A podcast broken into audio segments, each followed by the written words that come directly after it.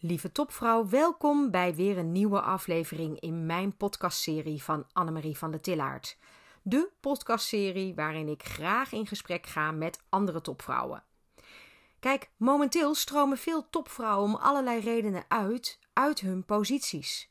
En het is mijn persoonlijke missie om topvrouwen weer te laten stralen in hun rollen. Omdat het nou eenmaal op allerlei gebied is aangetoond dat echte diverse teams aantoonbaar beter presteren.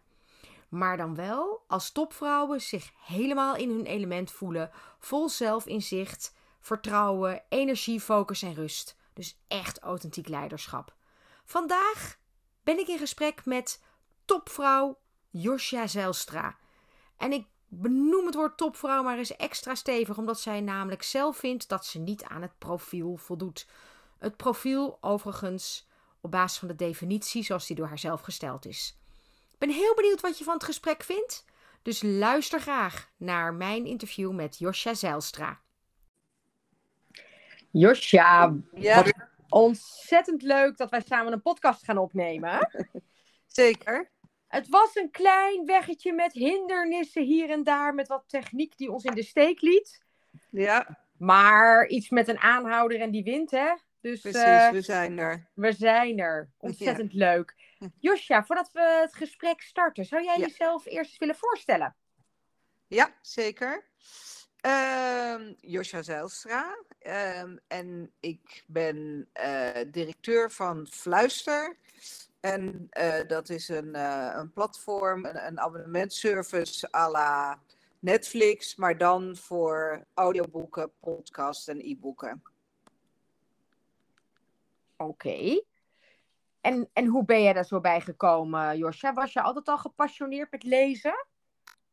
Ik was als kind echt een enorme lezer. We hadden natuurlijk ook wat minder afleiding toen van uh, TikTok en dat soort dingen. Dus uh, nee, ik las ontzettend veel. Uh, vanaf heel jong.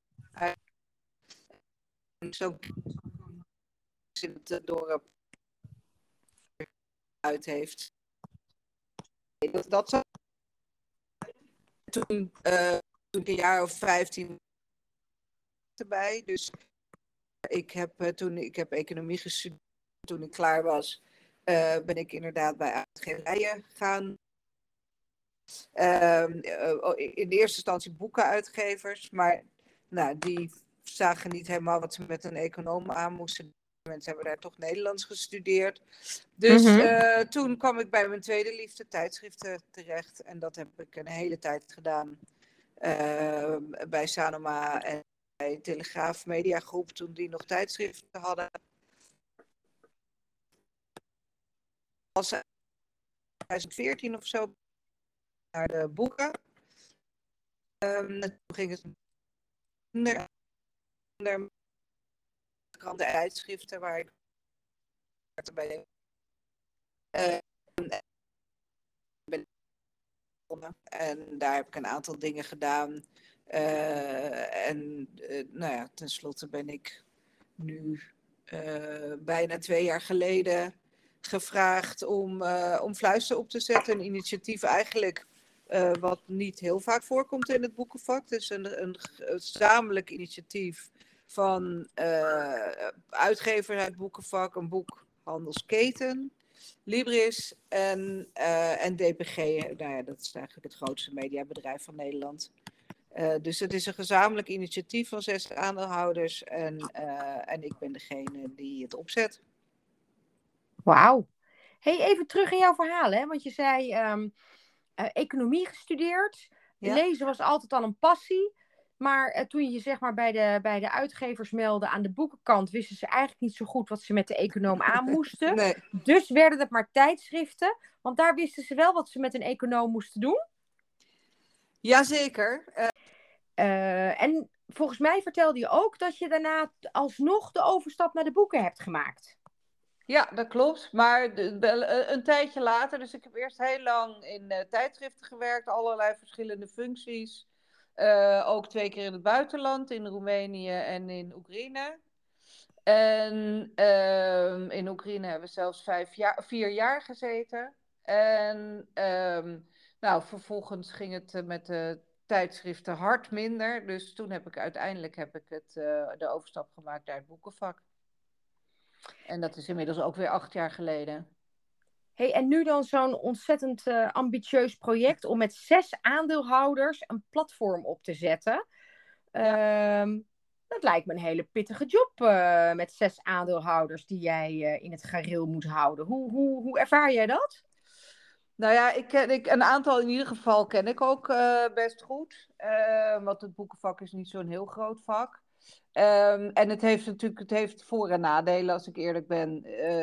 het is aan de ene kant kan het lastig zijn natuurlijk als er zes partijen met veel belang en veel ideeën als die allemaal dezelfde richting in moeten lopen. Um, En uh, de andere kant helpt het natuurlijk ook, want ze hebben bij elkaar een enorm netwerk aan nou, auteurs, boekhandels, maar ook grote samenwerkingspartners. dus er is gewoon een heleboel advies om uit te putten en een heleboel samenwerkingsmogelijkheden die ik samen met hun kan opzetten. Dus dat is uiteindelijk denk ik nog veel belangrijker natuurlijk, dat het ook enorm helpt. Dat ze bij elkaar ongeveer de hele wereld kennen. Hey, en, dat, en dat platform, hè, dus staat dat al live of ben je ja. nu nog aan het ontwikkelen? Nee, het staat live.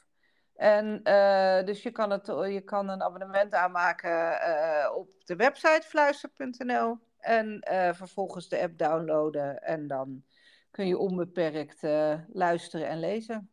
Wauw, ik heb daar nog weinig van gehoord. Klopt dat? We zijn net afgelopen, nou, zeg twee weken geleden, begin januari, zijn we begonnen uh, met de grootste campagne. Dus mm -hmm. ik hoor wel verschillende mensen die ons tegenkomen in uh, dagbladen. Dus we hebben een grote campagne, vooral printcampagne, want het is ja. nu uh, vooral een, een branding, een, een lanceringscampagne. En nou, we gaan nu morgen, as we speak, gaan we uh, om de tafel om dat om te zetten in een grootse werfcampagnes. En dan begint dus het daadwerkelijk werven van abonnees hiervoor. Maar aangezien DPG een van de partners is en um, zij, nou, ah, alle 26 tijdschriften geloof ik die nog, uh, die van Sanoma zijn, zitten nu uh, bij DPG. Ze hebben kranten van Parool tot Volkskrant, Q Music, dus ze draait ook een campagne op Q Music. Grote Belgische uh, poot, dus... Nou ja, dat, dat, komt wel goed. Zij, zij weten wel hoe ze mensen moeten bereiken in Nederland. Wat spannend zeg. Is het een, is het een lang project geweest voor je? Het project was eigenlijk, of het idee bestaat al langer. Dus dat uh, uh, een, een, de directeur van Libris Bladzijde en van Single Uitgeverij, ook een grote uh, Nederlandse uitgever, die hadden dit plan, denk ik, nou zeg een half jaar voor de start van corona, zijn ze hierover na gaan denken. voorbereidingen getroffen en toen kwam corona en dat heeft vooral in het boekenvak uh, gezorgd dat ze uh, ongeveer elke twee maanden weer uh, hun businessmodel moesten omgooien. Want dan mochten ze wel een loket, dan mocht er geen loket, dan moest alles verzonden worden. Dan mochten er vijf mensen in de winkel. Dus ze zijn een tijd bezig geweest om dat te managen. En toen corona een beetje minder bedreigend was, zeg maar, en, en, en, en de winkels weer open gingen, toen wilden ze hier met nou, verenigde krachten uh, weer mee aan de slag. En toen ben ja. ik erbij gekomen. Hey, en wat voor, je, je gaf al aan, hè? jij bent de directeur van dit geheel. Ja. Um, wat, wat, wat beschrijft, hoe omschrijf jij jouw leiderschapsstijl? Hoe zou je dat omschrijven? Um, ik ben zelf, denk ik, ik ben zelf heel precies. En mm -hmm. um, ik geef mensen uh, heel veel ruimte, denk ik. En uh, totdat ik het idee heb dat het niet goed gaat. En uh, dan denk ik dat mensen mij als heel dwingend ervaren. Dus dan ga ik er meer bovenop zitten. Dan wil ik ja. checken of het allemaal wel goed gaat. Ehm, maar als ik dat idee heb en het gaat goed, dan nou ja, krijgt iemand een soort van onbeperkte ruimte om te groeien en om de dingen te doen die hij denkt dat goed is. Dus ik denk dat ik als, als mijn leiderschapsstijl, dit denk ik twee kanten. Ehm, en uh, ja, als het goed is, is dat, uh, vind ik dat zelf ook heel fijn om samen te werken. Natuurlijk met mensen, met echt professionals die, uh, nou ja, die eigenlijk net zo gedreven zijn en die precies weten wat ze doen. En liever nog die dingen weten die ik helemaal niet weet. En dingen kunnen die ik niet kan. Nee, zodat je echt een complementair team krijgt. Ja. Ja. ja. Hey, en en um, een pittige rol lijkt me die je vervult. Uh, dan toch maar weer eens even die brandende vraag van mijn kant. Vind jij jezelf een topvrouw? Uh, nee, dan denk ik toch aan mensen die, uh, weet ik veel, minister zijn of een, een, een, een, grote corporate leiden of, of zoiets. een grote publieke functie hebben, da daar, daar denk ik meer aan bij topvrouwen. Bij het woord topvrouw, laat ik het zo zeggen. Oké, want wat, wat, wat, hoe zou je jezelf dan klassificeren? Um, nou, als een noeste werker, denk ik. Nee hoor, ik, ik, wil, ik doe dingen die ik heel leuk vind, maar een topvrouw, ja, dat is ook misschien. Uh, en daar kom je waarschijnlijk later ook nog wel op. Ja, dat vind ik dan zo'n beladen term dat ik mezelf daar zeker niet mee zou uh, kwalificeren. Want waarom vind je het ehm. beladen dan? Gelijk maar die vraag stellen nu. Ja, omdat ik inderdaad dan denk aan mensen die, uh, weet ik veel, uh, onfeilbaar uh, zijn in hun aansturing van wat ze dan doen. En dat dat in ieder geval ook een hele grote en zichtbare taak is. Um, ja, dat, zo zie ik mezelf zeker niet, nee. Oké, ik zou je, nou ja, ik denk dat je jezelf daar misschien best tekort in doet. Maar uh, ik laat hem even voor wat hij nu is. hey, wat, hoe ben jij dan geworden wie jij nu bent? Hoe heb je dat gedaan? Hoe heb jij, uh, je gaf natuurlijk al aan, uh, econoom, hè, met, een, met een, een passie voor, voor lezen. Ehm, niet iedereen is in staat om, vanuit zijn, hè, om met zijn passie ook daadwerkelijk zijn, zijn brood te verdienen. Dus hoe heb jij dat aangepakt? Nou, ik wist wel, ik, ik wist heel zeker inderdaad dat ik de uitgeverijen wilde. Dus uh, ik heb ook, nou, ik heb misschien nog één, uh, uh, één poging gewaagd bij Heineken of zo. Omdat toen de tijd, ik kwam, heb in Rotterdam gestudeerd, ging iedereen het proberen bij Unilever en Procter en Heineken. Um, maar ik, ik kwam er al snel achter dat dat niet voor mij is. Dus ik heb eigenlijk ook nooit ergens anders. Um, Waarom paste dat niet bij jou? Omdat je dan, om, ja, omdat ik uiteindelijk het product, tijdschriften, boeken veel leuker vind. Dus ik, uh, um, het, het, past mij beter om marketeer te zijn bij een product wat ik ook heel leuk vind. Nee, maar die snap ik. En, en bier vind ik leuk, maar uh, dat was dan meer inderdaad, nou ja, de, de corporate omgeving die uh, vooral in Rotterdam uh, dan helemaal bovenaan de wensenlijstjes stonden. Um, en wasmiddelen trok je ook niet echt aan? Nee, nee de, dat hij, en, en Remia, want je begint dan natuurlijk altijd bij, weet ik veel, Remia uh, frituurvet. Um, dus, sorry, ik wil ook daar, daar, niks aan afdoen. Maar het, ik, ja, ik, ik heb heel snel gedacht, nee, ik, uh, ik ga het gewoon... En ik had, had inderdaad een soort magische wereld van gemaakt ook. Uit, vooral ook uh, tijdschriften.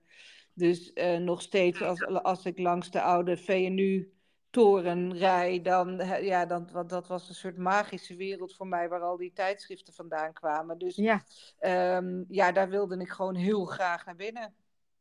Maar dan toch, hè? Want uh, je kan nog zo graag iets willen. hoe heb je dat dan? Hoe heb je dat geneeld, zoals mijn kinderen zouden zeggen? Um, ja, nou ja, daar komt dan denk ik uh, kijken dat als je iets heel erg leuk en interessant vindt. Ik, ik zie dat nu mijn zoon in ieder geval ook doen op zijn onderwerp. Um, dan ga je dus daar heel veel in verdiepen. Dus ik, ik was uh, op, ik wist alles van tijdschriften. Ik kende de colofons uit mijn hoofd. Ik wist wie de redacteuren waren.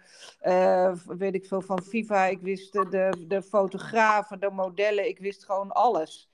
Um, dus eh, ja, als er dan iemand binnenkomt lopen die zich zo overduidelijk helemaal heeft ingegraven. Ja. Eh, en ik had natuurlijk een keurige opleiding achter de rug. En eh, ehm, ja, dan zou ik nu ook als, als werkgever denken, nou, iemand die dit overduidelijk zo ontzettend leuk vindt. Ja, die Zo gepassioneerd.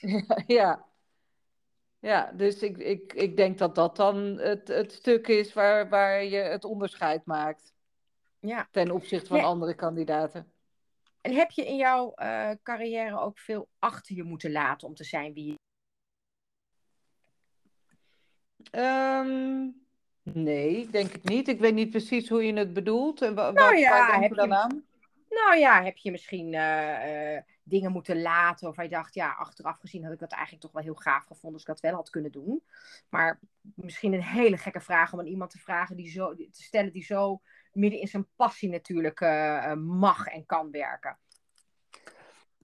Nee, ja, het enige wat ik veel minder gedaan heb, is op schoolpleinen staan. En, ehm, eh, dus, en, en weet ik veel, eh, Sinterklaasmutsen maken op school met de kinderen.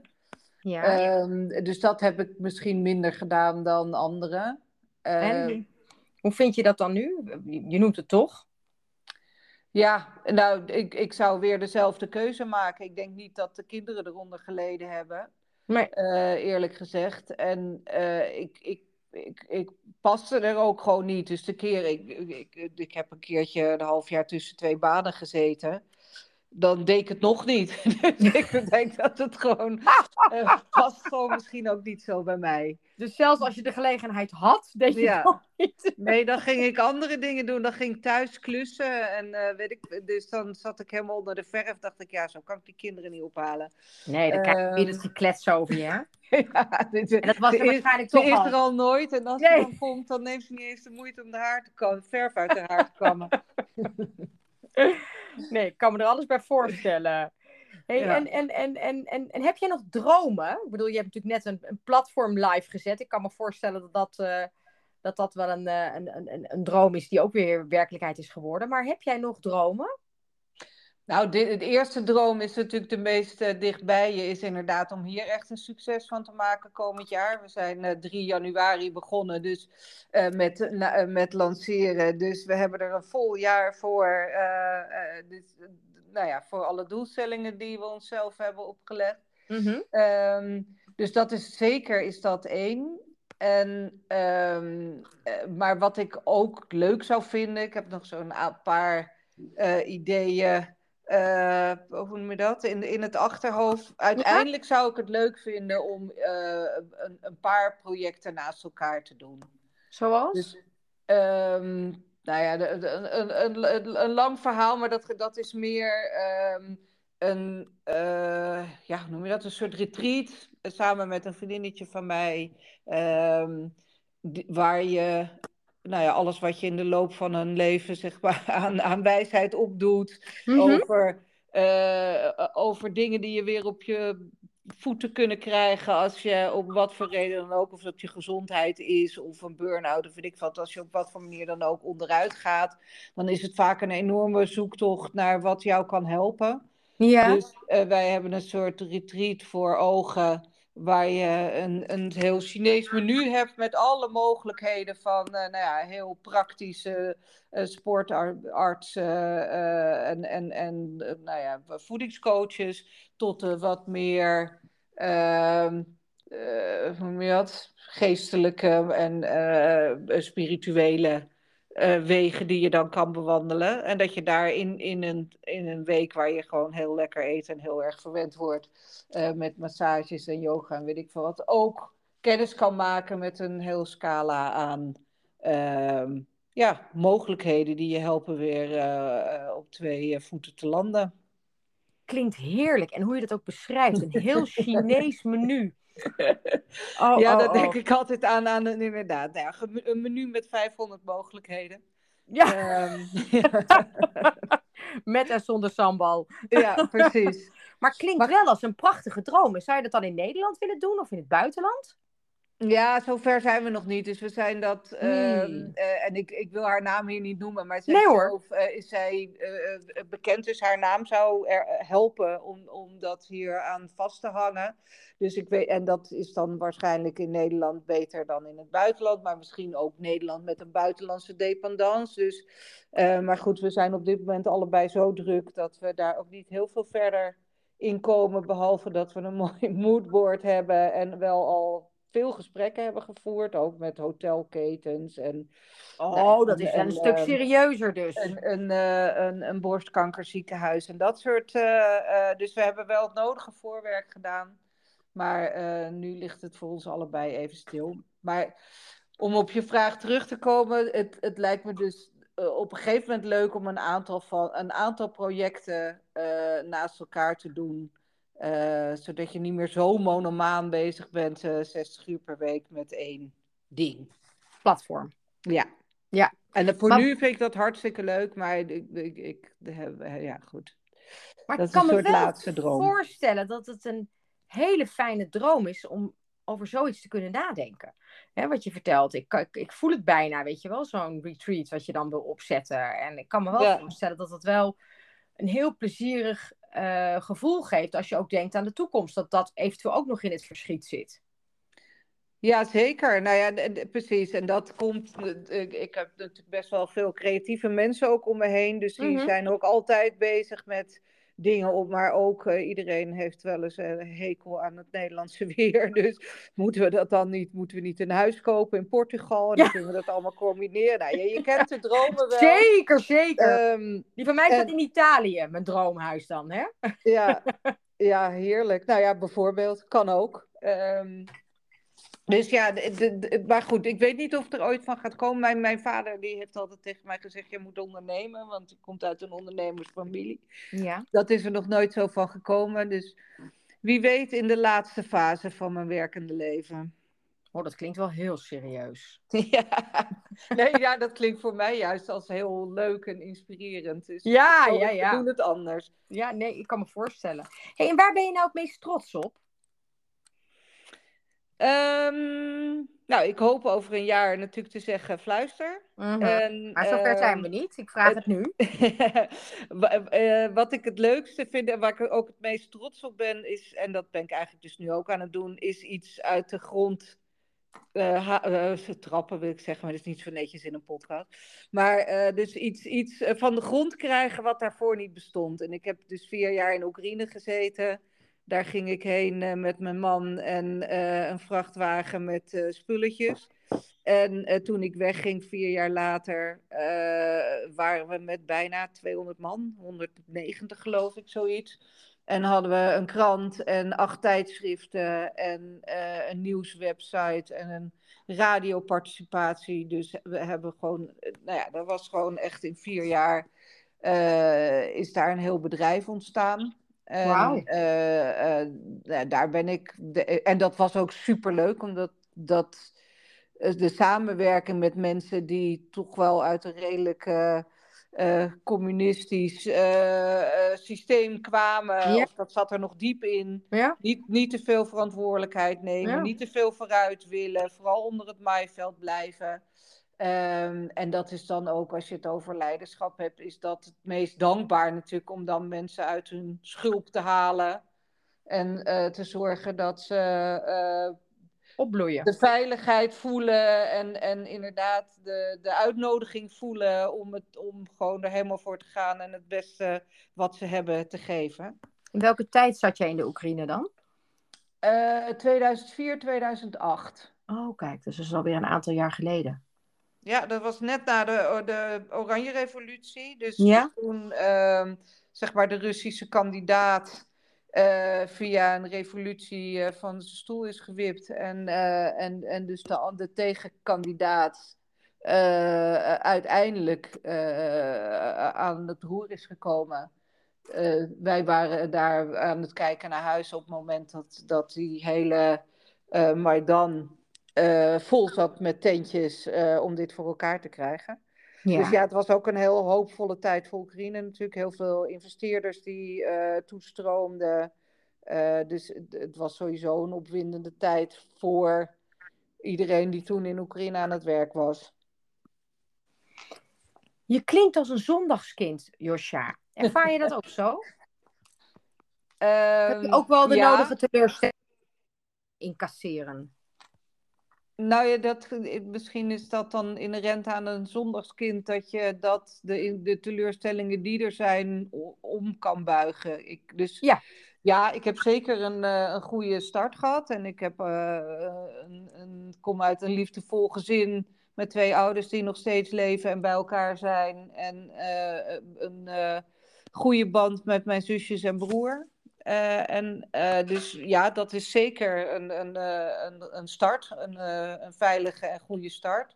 Ja. Ehm, maar er zit natuurlijk ook een soort, ja, hoe noem je dat? Gewoon een, een op, de- ik ben ook een optimist die gewoon denkt, ja, maar als het niet linksom gaat, dan gaat het rechtsom of boven of Ja. onder. Maar nee, Ja. daar doen we niet aan.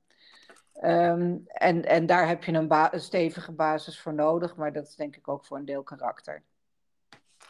Hey, is dat ook wat je, wat je zeg maar zelf weer overbrengt, ook op jouw kinderen en wellicht ook op jonge mensen die bij jou werken? Om op die manier ook met teleurstellingen om ze te kunnen ombuigen? Ehm, dat hoop ik zeker voor mijn kinderen. En, ehm, eh, en dat denk ik ook wel dat dat zo is. Dus dat denk ik ook wel te zien. En bij jonge mensen ehm, eh, ja, zie ik ook gewoon verschil. Er is een deel waar iedereen natuurlijk, een, deel van de jonge mensen, ehm, waar ook veel over gesproken wordt, die vinden of het gevoel hebben dat ze veel toekomt, die, die andere keuzes maken. Dus die, weet ik veel, eh, inderdaad tweeënhalve dag eh, per week willen werken en de rest van de tijd aan zichzelf eh, willen werken. Ja, Ehm, eh, dat staat gewoon ver van mij af. En, en, maar er is natuurlijk ook een deel, eh, en die kom ik ook ontzettend veel tegen, eh, die, die ambitieus zijn in wat ze doen en wat ik gewoon daarin heel leuk vind. Eh, weet je, er is altijd. Voor, voor slimme mensen die veel willen en hard willen werken, is er altijd, eh, weet je, die vinden altijd aansluiting. Ja. Maar wat ik daar heel leuk aan vind, is dat het niet meer zo vastgekaderd is. Dus eh, ik zie, ehm, ik, ik heb eh, een, een tijdje ehm, in, in een netwerk gezeten waar we, we noemden dat the Elevator Down. Dus dat waren dan vrouwen Ja. die al de nodige carrière achter de rug hadden. eh, die als coach en mentor gingen fungeren voor eh, vrouwen van, van eh, nou, die in zeg maar stap 2 van hun carrière bezig waren ja, toen zag ik al dat hij heel bewust keuzes maakte, juist om te switchen. Ik, wij waren nog veel meer van ja, je begint, wij waren niet heel ambitieus, denk ik, of in ieder geval een groot deel van ons. We begonnen gewoon ja. en ja. eh, bleken ergens goed in te zijn. En, en nou ja, van dan ga je van stap naar stap naar stap. ja. En, en eh, die generatie maakt veel bewustere keuzes om, weet ik veel, eerst te ondernemen en dan corporate of op verschillende eh, afdelingen te werken. En dat is denk ik alleen maar sterker geworden. Ehm, dus eh, als ik nu, ik ben, eh, ik zit in de raad van toezicht van een studentenvereniging. En het valt mij op, A, hoe ontstellend goed ze af en toe zijn. Dat ik echt denk, ja, ja, Holy, ja, zo professioneel op zo'n Ja. jonge leeftijd. ja. Maar ook zo bewust bezig met gewoon totaal verschillende dingen te kiezen. Weet ik veel, DJ naast een, eh, eh, een consultantbaan en dan iets heel creatiefs willen doen. Of dan een tijdje willen schrijven. Of een tijdje eh, willen schilderen. Of de, nou ja, de, de best uiteenlopende dingen. Waar ze dan heel bewust voor kiezen eh, om dat af te wisselen.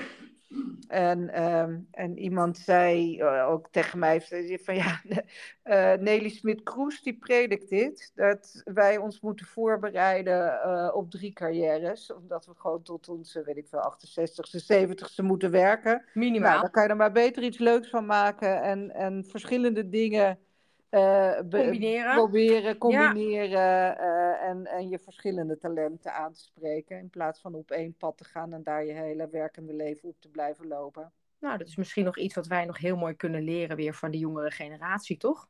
Ja, ik, ja, ik vind het heel inspirerend eigenlijk. Ja. Uh, om dat te zien. Nou, dat kan me voorstellen. hey Josja. Ja? Heb jij nog een tip voor een, uh, een andere niet-topvrouw zoals jij? Um, nou ja, de, ik, ja de, ik denk dat dat toch uiteindelijk het allerbelangrijkste is. Want, en dat zeg ik ook tegen mijn kinderen. Want uh, weet je, ik ben nog echt opgeleid. Je zorgt dat je je papiertjes haalt. En, en hoe hoger je opleiding, hoe beter. Ja. Uh, maar uiteindelijk zie ik natuurlijk als je ergens echt heel erg veel interesse in hebt. Als je iets hartstikke leuk vindt. Zo leuk dat je er tien uur per dag mee bezig wilt zijn. Dat is natuurlijk eigenlijk het allerbelangrijkste. Um, want het kost gewoon veel tijd, een baan. en dan kan je maar beter iets doen wat je hartstikke leuk vindt. Absoluut. En, um, en als je dan ook nog uh, het jezelf niet te makkelijk maakt, dus gewoon de lat hoger legt en je bedenkt dat het altijd, kan altijd beter. Um, en dat is niet zo dat dat, en, dat, en dat moet je inspireren. Ik bedoel, dat moet niet een soort uh, blok om je nek worden. Zo is het niet bedoeld. Maar het, het ook leuk vinden om te zoeken naar manieren om dingen beter uh, te maken. Zonder te denken, nou weet je, goed genoeg. Ja. Ik denk dat die combinatie van iets heel leuk vinden en continu proberen om het beter te maken. uh, Dat die combinatie, ja, dat zorgt in ieder geval voor dat je gewoon heel fijn aan het werk bent. En over het algemeen wordt dat dan ook wel gezien door anderen. Wat een mooie afsluiting. Dank je. Heb jij alles kunnen zeggen wat je graag wilde delen? Zeker. Mooi. Ik dank je voor, uh, voor het verhaal. Ik ga uh, deel 1 en deel 2 netjes aan elkaar knopen. Ja. En uh, ik ben heel blij dat we ondanks de hobbels toch doorgezet hebben en deze podcast hebben opgenomen, Josja. Dus, nou, heel goed. Laat me weten als hij, als hij af is. Vind ik leuk. Zeker, zeker, zeker. Jij krijgt van mij een exemplaar als eerste natuurlijk. Nou, hartstikke leuk. Hé hey, Josja, fijne en we dag. We komen elkaar zeker later tegen. Absoluut. Oké, okay. dag. Heb je na het luisteren van deze podcast ook zin om met mij een keer in gesprek te gaan, zoals Josja en ik net gedaan hebben? Of heb je misschien wel interesse in mijn programma waarin ik stel dat ik vrouw, topvrouwen weer laat stralen in hun rol? Nou, neem dan eens contact met me op. Kijk op mijn website www annemarievandentillaert.com.